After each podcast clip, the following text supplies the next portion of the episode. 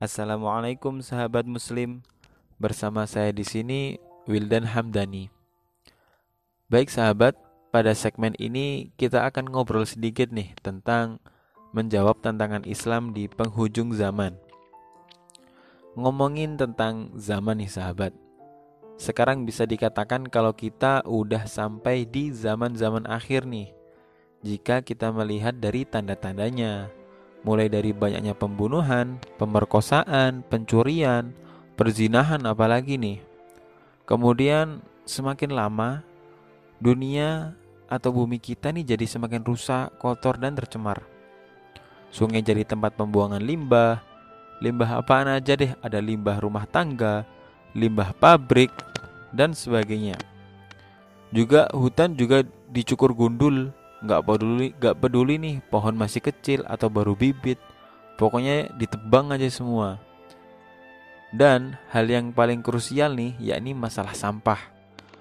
Kalau kita lihat nih sahabat ya, sampah nih berserakan di mana-mana, di sungai, di kebun, di laut, bahkan di Palung Mariana nih yang dalamnya 11 km di bawah permukaan laut ada sampah plastik di sana.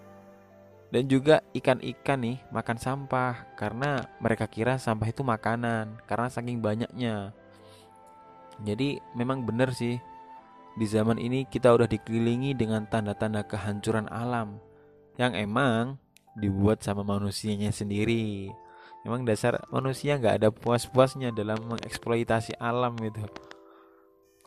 Oke sahabat, jadi emang sih ya kalau dilihat dari berbagai keriuhan atau kerusakan yang ada di zaman ini, emang penyebabnya ya manusia. Ya nggak mungkin hewan kan, apalagi tumbuhan. Karena hanya manusia makhluk yang dikaruniai akal yang dapat berpikir tentang segala hal yang ada.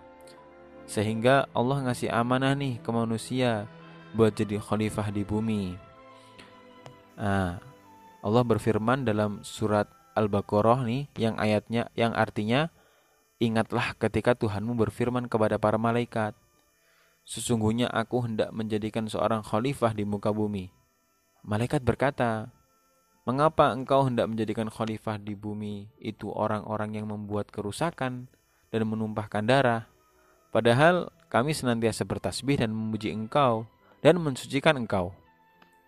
Tuhan berfirman, Sesungguhnya aku mengetahui apa yang tidak kamu ketahui. Nah, tapi masalahnya manusianya emang yang kurang amanah nih sahabat. Kita diperintah membimbing dan menunjukkan jalan yang benar. Eh malah kitanya yang nyeleweng Melanggarnya sendiri.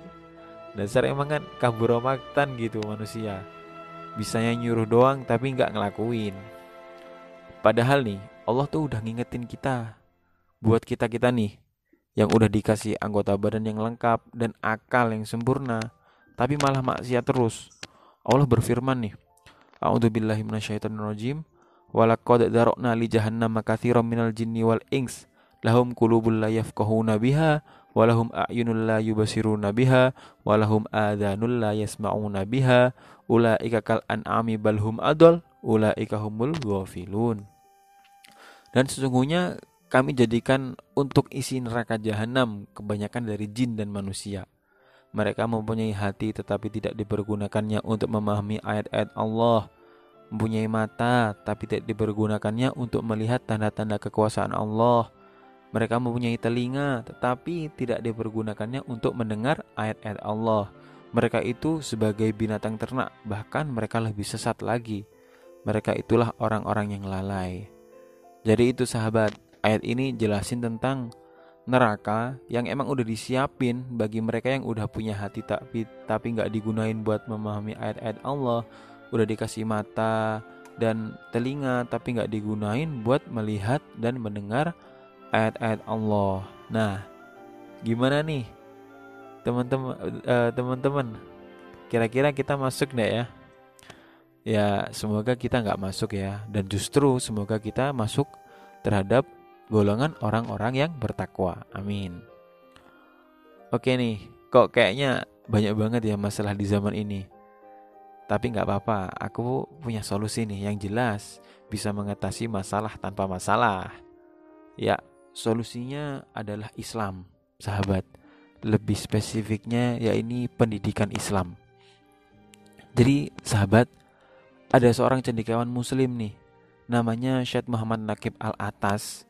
Beliau mengatakan bahwa problem yang dihadapi umat Islam saat ini adalah masalah ilmu pengetahuan atau masalah pendidikan. Loh, kenapa ilmu pengetahuan kok bermasalah? Bukannya bagus orang menjadi berilmu, berpendidikan.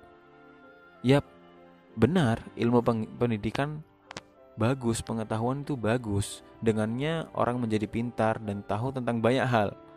Tetapi yang dimaksud Prof. Al atas ini adalah ilmu pengetahuan atau pendidikan sekuler, sahabat. Barat gitu.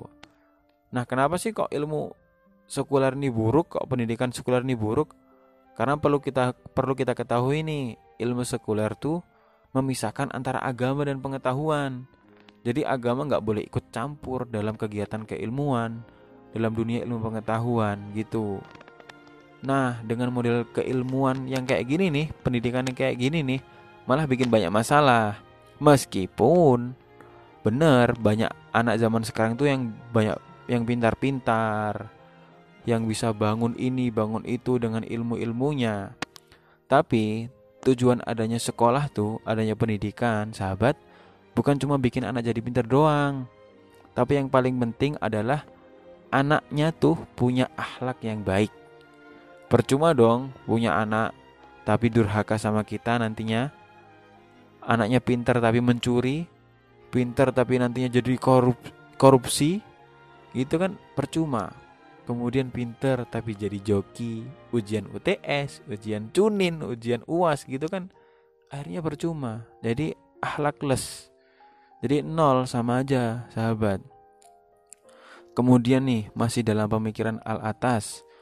Beliau juga punya konsep namanya konsep adab yang intinya kalau Islam mau maju dan terus berkembang, maka seorang muslim harus menjadi manusia yang beradab yang mana orang yang beradab ini adalah orang yang dapat memahami dan meletakkan sesuatu pada tempatnya sesuai harkat dan martabat. Contohnya kayak gini nih orang yang beradab.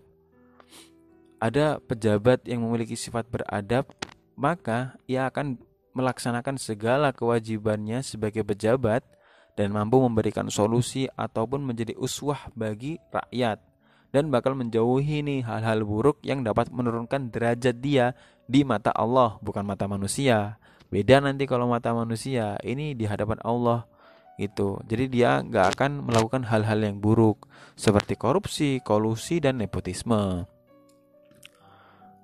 Kemudian jika kita melihat jauh ke belakang ya, sahabat, ulama-ulama dahulu tuh bahkan lebih mementingkan aspek adab daripada aspek ilmu.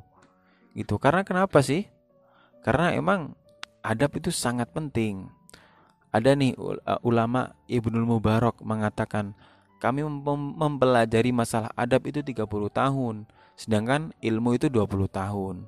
Itu pepatah Arab juga ada yang mengatakan adab lebih tinggi dibandingkan ilmu.